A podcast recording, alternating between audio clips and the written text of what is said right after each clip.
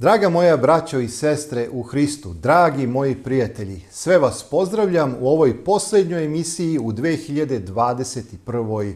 godini. Kao što ste mogli videti naslov, ova emisija je u stvari jedna novogodišnja poslanica koja je ujedno i poruka YouTube kanala Biblija uči. U ovom trenutku verujem da primećujete da sam se malo drugačije obukao. Rekli bismo svečanije. Postoje dva razloga. Prvi razlog je jedan žalostan razlog, zato što nakon ove emisije odlazim na groblje gdje ću zajedno sa mnogim ožalošćenima ispratiti jednog mog kolegu na privremeni počinak. Zašto kažem privremeni? Zato što nas Biblija informiše i raduje predivnim rečima naše gospode Isusa Hrista da je smrt pobeđeni neprijatelju Hristu i da Isus Hristos obećao da kada se bude vratio u slavi Oca svojega sa svetim anđelima, da svi oni koji su umrli, mi kažemo hrišćani zaspali zato što je smrt privremena do Hristovog dolaska, da svi oni koji su zaspali u Isusu Hristu u toj poslednjoj trubi čuće glas Sina Božjega i oživeti. Isus Hristos ima silu i moć da pozove mrtve u novo postojanje, kada će u novom proslavljenom, neraspadljivom telu naslediti carstvo Božje. Ima stotine tekstova. Ja sam na desetine emisija snimio. Što u seriji Znaci vremena, što u mojoj seriji Poslednje vremena i tako dalje. Ali ovom prilikom želim da vam pročitam reči nelažnog Boga, našeg gospoda Isusa Hrista, našeg spasitelja. Direktno njegove reči kada je u pitanju nada o vaskrsenju iz mrtvih. Zapazite evanđelje po Jovanu peto poglavlje. Otvorite sa mnom evanđelje po Jovanu peto poglavlje. Čitamo Hristove reči. Jer kao što otac podiže mrtve i oživljuje, tako i sin koje hoće oživljuje. Jer otac ne sudi nikome, nego sav sud dade sinu. Da svi poštuju sina kao što oca poštuju. Ko ne poštuje sina, ne poštuje oca koji ga je poslao. Zaista, zaista vam kažem, ko moju reč sluša, i veruje onome koji je mene poslao, ima život večni i ne dolazi na sud, nego je prešao i smrti u život. Zaista, zaista vam kaže, ide čas i već je nastao, kada će mrtvi čuti glas Sina Božjega i čuši oživeti. Jer kao što otac ima život u sebi, tako dade i sinu da ima život u sebi. Ne divite se ovome, jer ide čas u koji će svi koji su u grobovima, čuti glas Sina Božiga i izaći će koji su činili dobro u vaskresenje života, a koji su činili zlo u vaskresenje suda.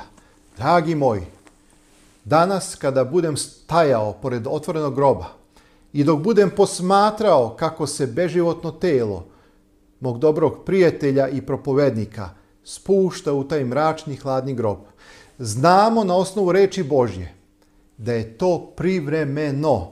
Jer svi oni koji su verovali u Isusa Hrista, koji su se opravdali njegovim životom kroz krv njegovu koju je prolio na krstu Golgote, imaju nadu da će ustati u život večni. To je najveća sila, najsnažnija i najlepša poruka evanđelja. Smrt je pobeđeni neprijatelj.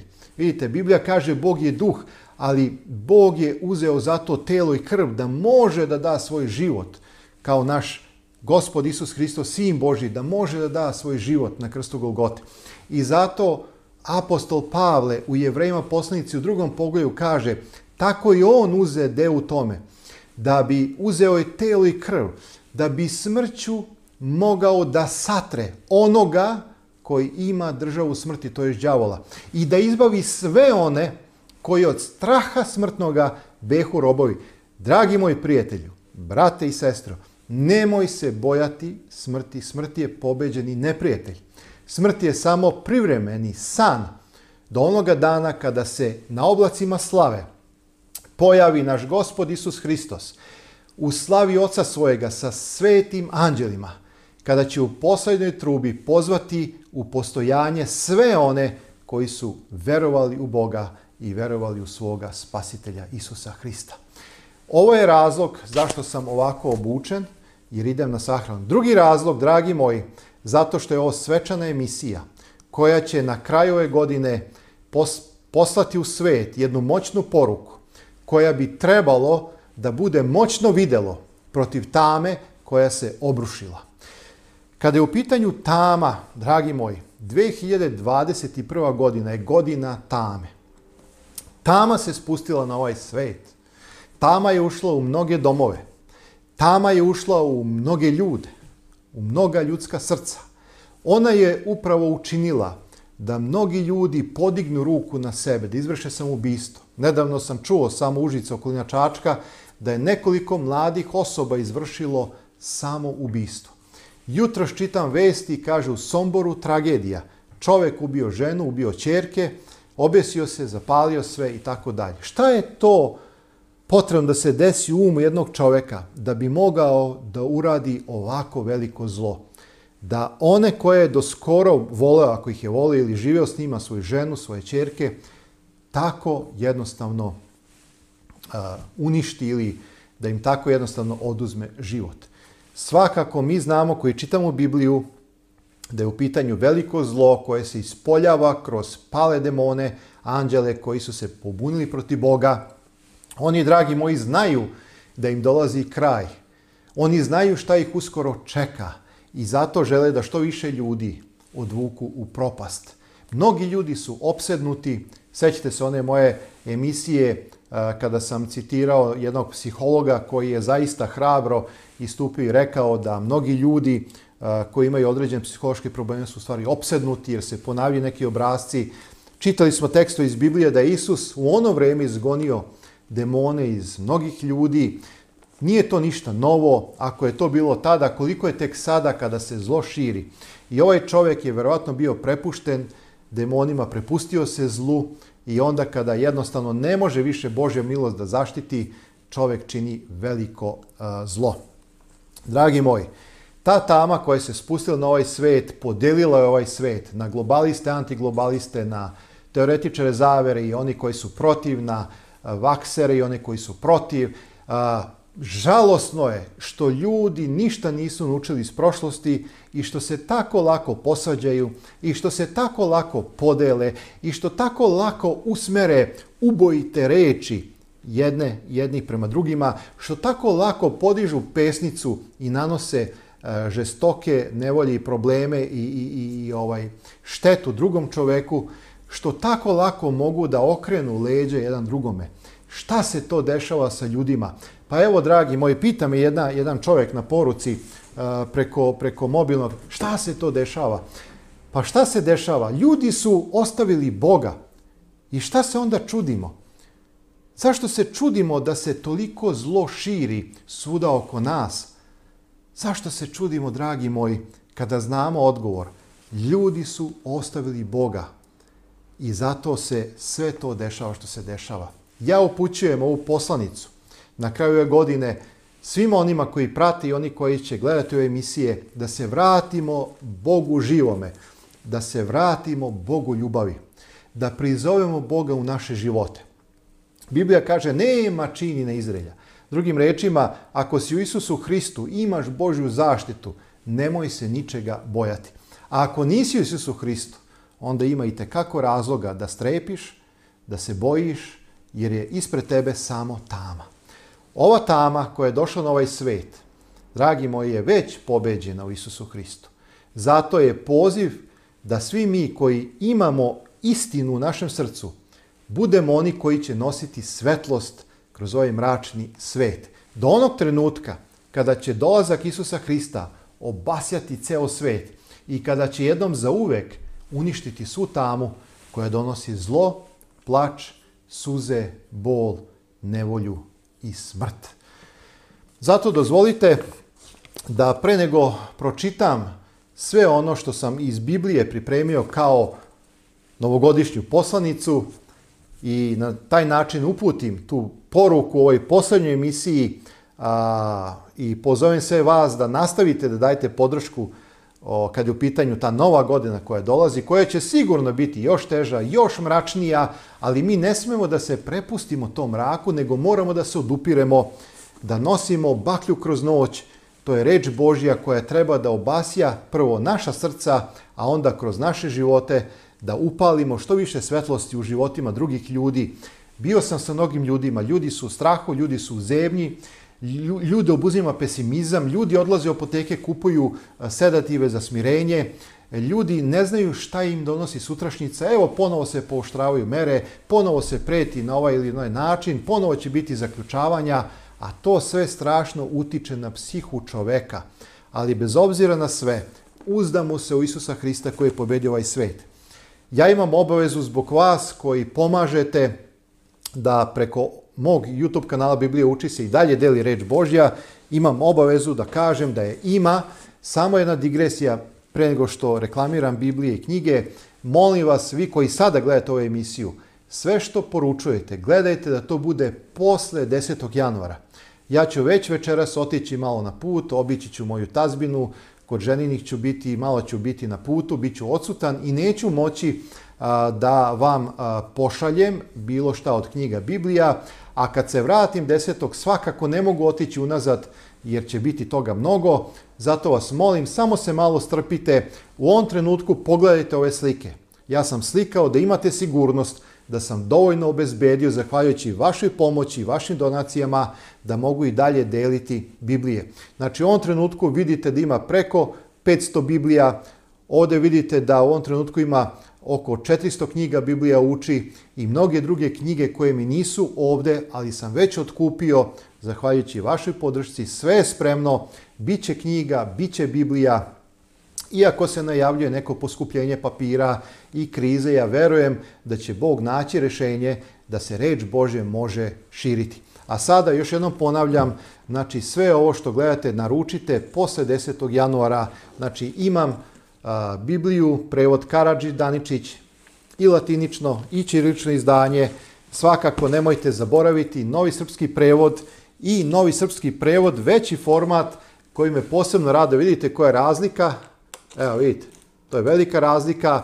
Ovu plavu Bibliju, veći format, dajte prednost stvarno onima koji su stariji, koji imaju problema sa sitnim slovima, da mogu u svojim rukama imati velika slova i svete Bože reči da mogu lakše čitati. Nemojte zaboraviti brend moga kanala Biblija uči 42 osnovne istine doktrine koje su nam potrebne da razumemo celokupno pismo i šta je ono što je Božja volja. Sve druge knjige na kraju uvek imate, na kraju svake emisije i tamo ćete pronaći adrese za poručivanje. To su samo dve opcije. Nemojte mi privatno slati vaše podatke jer zaista ne znam odakle više da krenem. Mnogo je toga.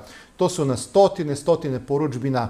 U ovom trenutku već preko i hiljada biblija je otišlo Hvala vam puno. Već preko 7000 knjiga raznih je otišlo u narod. I ono što sam ohrabren na osnovu neke pomoći koje sam skoro dobio, Biće, dragi moji, snažno ćemo krenuti u januaru, ići ćemo u februaru. Evo već za novu godinu sam u Negotinu, tamo ću biti sa nekim od vas koji pratite moj kanal. O, pripremio sam neke knjige koje nosim i Biblije. Radujem se da ćemo se naći u Korzu. Ako sam dobro razumeo, znači predlog je da se nađemo u Negotinu na Korzu u ponedeljak negde oko 11 časova pre povodne. Znači ponedeljak Korzo, Negotin, svi koji ste tu okolina dođite da se nađemo u 11 časova Negotin. To je Korzo, poznato mesto. A sada, dragi moji, hajde da se pomolimo. Želeo bih da ove reči budu duboko utisnute u naša srca, u naše misli, da shvatimo duh evanđelja, da shvatimo šta je poruka evanđelja, šta je suština onoga što znači biti hrišćani. Dragi naš oče nebeski, u ovim trenucima kada čitamo reč Tvoju, neka nas Tvoj Duh Sveti nadahne, ispuni, osveži i utisne Tvoju ljubav u naš karakter, u naše misli, da bismo mogli razumeti ove reči koje čitamo i da bismo mogli zaista živeti po Tvoje volji. Oče nebeski, o te molimo u ime naše gospode Isusa Hrista. Amin.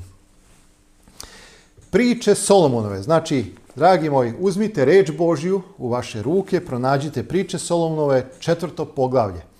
Zapazite ovo. Znači, želim da iščitam jednu kratku poslanicu za kraj ove godine. I kao veliku zahvalnost našem Bogu i za sve ono što je uradio. Sine moj, slušaj reči moje Prigni uho svoje besedi mojoj, da ti ne odlaze iz očiju, čuvaj ih usred srca svojega, jer su život onima koji ih nalaze i zdravlje svemu telu njihovom. Kako su kako su ovo moćne reči, dragi moji, kako one unose nadu, svetlost. Svrh svega što se čuva, čuvaj srce svoje, jer iz njega izlazi život. Ne smemo dozvoliti da nas tama ovoga sveta obuzme, da tama zarobi naše srce, da bude sebično, da bude arogantno, da bude a, fabrika greha. Mi moramo čuvati naše srce, a srce je središte naših emocija, naše karaktera, je tako? Jer iz njega izlazi život. Sada zapazite Matej, hajde da odemo u Novi Zavet, Evanđelji po Mateju 16. Tada Isus reče, 24. stih, Tada Isus reče učenicima svojim, ako ko hoće za mnom ići, neka se odrekne sebe, uzme krst svoj i ide za mnom. E sada, samo jedna digresija, smatram da je potrebno reći, znači u Mateju u 16. poglavlju, kontekst ovih reči pre ovoga se desilo da je Isus rekao da mu treba ići u Jerusalim, da će tamo biti Eh, ubijen i tako dalje. I onda dolazi Petar koji je nekoliko sati pre toga posvedočio duhom Božim da je Isus sin Boga živoga, a Isus potvrđuje i kaže Petre, to ti nisu rekli telo i krv, nego otac moj koji je na nebesima. Znači, Petar ispunjen duhom svetim. Par sati kasnije, kada su svi zaspali, Petar je razmišljao o rečima Isusa Hrista, a onda zabrinut Petar. Petar ne zna šta se dešava, on brine kao čovek dolazi do Isusa Hrista i kaže učitelju, nemoj ići tamo. Ako ćete tamo svezati, ako ćete tamo ubiti, nemoj ići. Ostani s nama. A Isus prepoznaje ono što je đavolsko u tom trenutku i kaže Sotono, idi od mene. Jer ne misliš ono što je Božje, nego što je ljudsko. A šta je ljudsko? Da se brinemo za sebe, da samo čuvamo sebe. A Isus je upravo i došao iz tog razloga da bi svoj život dao za naše spasenje. I kaže, to znači uzeti krst svoj. I sad kaže, jer ko hoće svoju dušu da sačuva, izgubit će. Ako ko izgubi dušu svoju mene radi, naći će. Jer kakva je korist čovjeka ako sav svet dobije, a duši svoje naudi? Ili kakav će otkup dati čovjek za svoju dušu? Duša je sinonim za naš život, jer tamo kaže stvori Bog čovjeka od praha zemaljskog, dunu mu duh, ruah, u nos, i posta čovjek duša živa, znači ja i ti smo duše žive, jel tako? I onda kaže svoju dušu, svoj život. Jer će doći sin čoveči u slavi, oca svojega. Evo ponovo ta ideja koju smo čitali malo pre iz Jovana 5 sa anđelima svojim i tada će se vratiti svakome podelimo njegovim. Ne odmah čovjek kad umre ide negde u carstvo Božije upakao, ne, nego kada dođe Isus, kada bude vaskrsenje, jedni će ustati na život večni, šta kaže prorok Danilo 12. glava, a drugi će ustati na prekor i sramotu večnom, drugim rečima na uništenje. Evo, to je ono. E sada, kada je u pitanju, dragi moji tama, kako reč Božja objašnjava, definiše šta je to tama u ovome svetu. Pa tama se ispoljava kroz greh kojeg ljudi sprovode u delo. Mi ne vidimo fizičkim očima, znači, đavola, demone, ali šta mi vidimo? Mi vidimo dela njihova koja se očituju kroz živote ljudi. Psovanje, laganje, e, mržnja, spletkarenje, ratovanje, ubijanje. Čuli ste vesti jutros iz Sombora. Čovek ubio ženu i čerke, spalio, obesio se i to je to. Evo, to je tama, a ona se pokazuje kroz, kroz e, greh priče Solomonove šesta, šesto poglavlje. Evo kako je okarakterisana tama. Na ovo šestoro mrzi gospod, a sedmo je gad duši njegove. To je tama. Oči ponosite, jezik lažljiv, ruke koje prolivaju krv pravu, srce koje kuje zle misli, znači to je ono sa predomišljenjem, kada ti planiraš da učiniš zlo, noge koje brzo čine zlo. Ne ono da se ustežeš pa nećeš, pa te neko napada pa ti nećeš, pa onda ajde na neki način moraš, moraš da se odbraniš. Nego ti si taj koji trčiš na zlo. Lažan svedok koji govori laž i sada zapazite šta je sedmo, šta je gad duši i ko zameće svađu među braćom. Ovaj svet je, dragi moji, podeljen. Sotona je uspeo da posvađa narode, da podeli ljude. Čak je podelio i ljudi unutar porodica. Jedni ovako razmišljaju, jedni ovako razmišljaju, jedni su globalisti, jedni su antiglobalisti, jedni su vakseri, jedni su antivakseri. A čovjek nije naučio ništa iz prošlosti. Čovjek nije stao da razmisli da kaže čekaj, zašto bi se ja svađao zbog nekih nesuglasica? Umjesto da kroz ljubav možemo podnositi jedni druge, a to ću malo kasnije čitati. Znači, i ko zameće svađu među braćom. To je ono što Bog mrzi. A mi hrišćani smo pozvani da se mirimo, da ljude zovemo na pomirenje. Pa sećate se, evo u ovo vreme su ljudi, hrišćani, neki slave i te božićne praznike i onda se često čitaju reči, kaže mir među ljudima, dobra volja. Znate kada su anđeli došli i tako dalje. Dalje u ovoj poslanici koju sam pripremio, novogodišnjoj poslanici, želim da pročitam nekoliko lepih citata koje su izrekli neki zaista verni, mudri ljudi, a onda dozvolite da pročitam i nekoliko biblijskih tekstova. Evo samo da pripremim. Misli kaže ovako. Svet ne razume teologiju ili dogmu, ali razume ljubav i osjećanje. I zaista, mnogi će mislim, teško razumeti određene teološke, duboke misli iz Biblije, ali će čitajući Bibliju razumeti ljubav. Razumeće reči, jer Bogu tako omilje svet, da je i sina svojega jedinorodnog dao, da nijedan koji ga veruje ne pogine, nego da ima život večni. Bog je prvo ljubio nas i tako dalje. To su reči ljubavi, one se razumeju. Zapazite dalje, svet nije igralište, svet je učionica. Šta mi to treba da učimo? Život nije praznik, već obrazovanje. Večna lekcija koju svi možemo bolje naučiti jeste ljubav. A gde je ta ljubav? Ljubav nam nedostaje, braći i sestre. A ljubav je upravo sadržana u Bibliji koja nas poziva, nadahnjuje i hrani da širimo uh, ljubav. Voleti nekoga znači gledati ga onako kako ga vidi Bog. Ovo je rekao Dostojevski. Znači, Bog svakog grešnika vidi kao svoje izgubljeno dete, ali koje voli.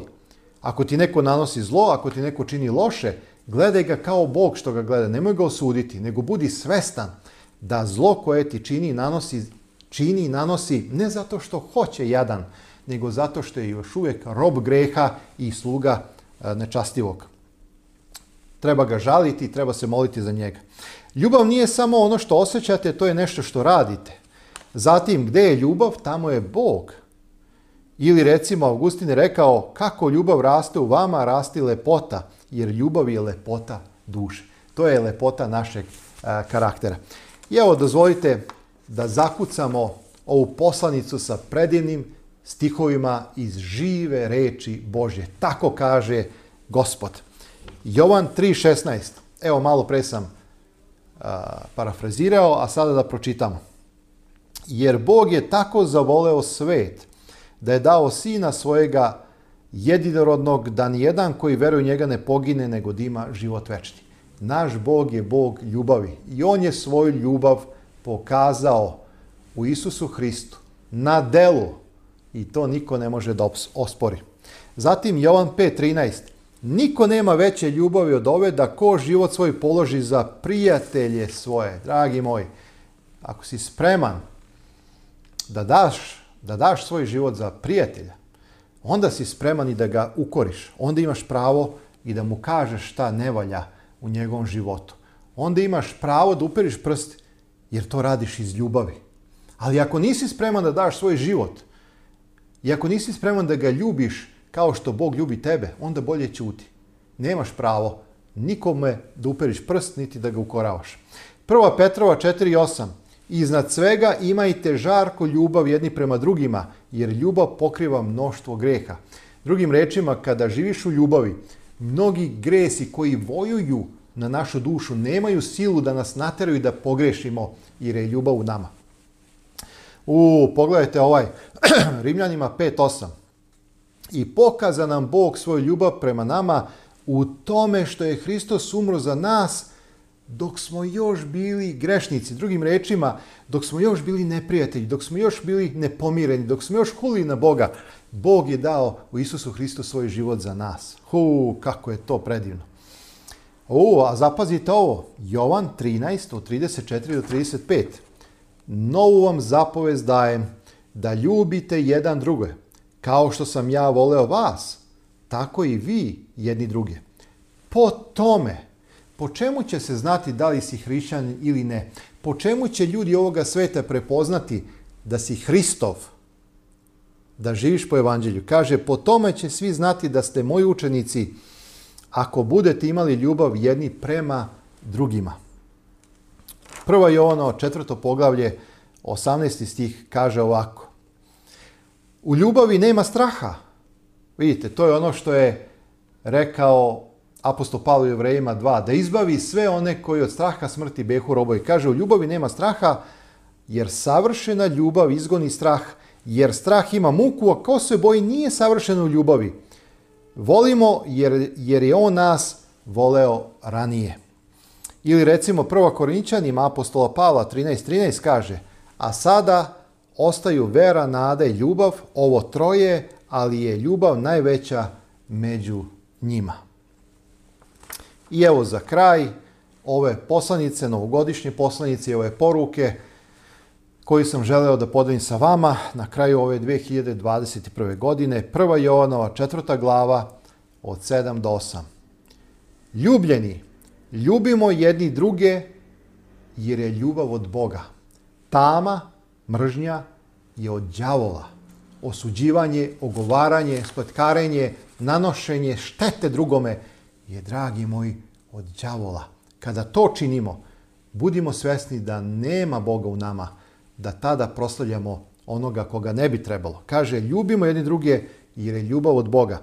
I svaki koji voli, to je ono što je rekao Isus Nikodimu, Nikodime valjati se nanovo roditi. Zapazite, i svaki koji voli, rođen je od Boga i poznaje Boga. Mnogi misle da poznaju Boga tako što će ući u sve neke teorije vamo, tamo i to samo stvara mržnju, odbojnost, represiju. Stvara, dragi moji, nervozu. A svaki koji voli rođeni od Boga i poznaje Boga. Šta znači poznavati Boga? Kako ćeš znati da si poznao Boga? Pa ako imaš ljubav Božju u tvome srcu prema čoveku, prema neprijatelju, prema drugome, ako možeš da trpiš u ljubavi, to znači da si poznao ko je Bog. To znači da ga imaš za ličnog spasitelja. A ko ne voli, evo opozit, ko ne voli, ne poznaje Boga, jer je Bog ljubav. Ja sam na Facebooku, na mnogim stranicama, naišao na prepiranje, na debate, na osuđivanje. E, jedni druge jedni druge e, bacaju pakao samo zato što imaju drugačije oprešno mišljenje, e, spuštaju ih, vređaju ih raznim rečima, pozivaju se na Bibliju, citiraju Bibliju, želeći nešto da dokažu, u stvari sve je to produkt ega, ega koji hoće da dominira, koji hoće da pametuje.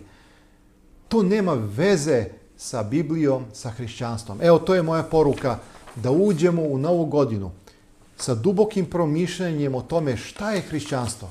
Hrišćanstvo je da se odreknemo sebe u smislu da ne mislimo samo o svojim užicima, nego da mislimo i o drugim ljudima. Jer kaže, ko ne voli, ne poznaje Boga, jer je Bog ljubav. Imao sam nedavno jedan mail i mail od prilike kaže ovako, ti si nikakav, ti si dvoličan, ti ne pričaš ovo, ti ovo, ti nemaš hrabrosti da istakneš neke stvari i tako dalje. Iako sam mnogo govorio o žigu zveri i o otkrivenju i koja je prva zver i druga zver, govorio sam i o, o mom stavu, biblijskom stavu kada je u pitanju odnos prema ljudima koji su vakcinisani ili nisu vakcinisani. Sve sam ja to već obradio, ali evo čovjek ima želju da napada, ti si kukavica, ti si ovakav, ti si onakav. Znači, izvređao me, bacio me u pakao, kaže, tebe treba baciti u pakao, onda kaže, molit ću se ja za tebe. Pa čekaj, čekaj, zašto bi se molio kada nemaš ljubavi prema meni? Koja je svrha tvoje molitve za moj život kada ti nemaš ljubavi u sebi, kad si me napao, kada si me satanizovao, kada si me već baci u pakao, kada si od mene napravio a, čoveka koji nema veze sa životom, koji ne poznaje Bibliju i tako dalje i tako dalje. Evo, samo jedna, na mom primjeru, samo jedna digresija da osetite da to nema nikakve veze sa evanđeljem Isusa Hrista. Ko ne voli, ne poznaje Boga jer je Bog ljubav. Ja vas pozivam na kraju, dragi moji, uzdignite Isusa Hrista, uzdignite Boga ljubavi, jer ljubav je pobedila ovaj svet i zato će Isus Hristo doći kao car nad carevima i gospodar nad gospodarima, po tebe i po mene. Tada će se ispuniti Isusova molitva iz Evanđelja po Jovanu 17, kada Isus u posredničkoj molitvi molio, kaže, oče, oče, hoću da one koji si mi dao budu sa mnom, da vide slavu koju ima imadoh u tebe pre nego li svet postade. Čežnja, ljubav našeg spasitelja, moli se za tebe i za mene. Ko su ti oni? Pa to smo ti ja. To su ljudi svi generacija koji su prihvatili ves spasenja. Čežnja naše gospode Isusa Hrista. Oče, hoću da i oni koji si mi dao budu sa mnom, da vide slavu moju koju si mi dao od pre postanja sveta. Ja čeznam da budem u toj slavi i daću sve od sebe dok god imam daha i snage da kroz moj život, a i ovim putem u svoje slobodno vreme, mogu širiti vest ljubavi, vest evanđelja i pozvati još stotine i stotine, hiljade i hiljade ljudi da dođu u zagrljaj Božji. Sve vas volim, Čuvajte se, čuvajte vaše srce, jer iz njega izlazi život. Hranite se reči u Božjom i činite dela Božja. Tada ćete biti videlome svetu i imat ćete budućnost koja je zagarantovana u Isusu Hristu koji uskoro dolazi. Svakom dobro želim, neka vas Bog blagoslovi, vas, vaše porodice, vašu decu, sve vaše mili drage. Zbimo naše redove i hvala vam puno za podršku koju dajete YouTube kanalu Biblija uči. Sve vas volim, Bog nas voli, imajte mir u Hristu. Amin.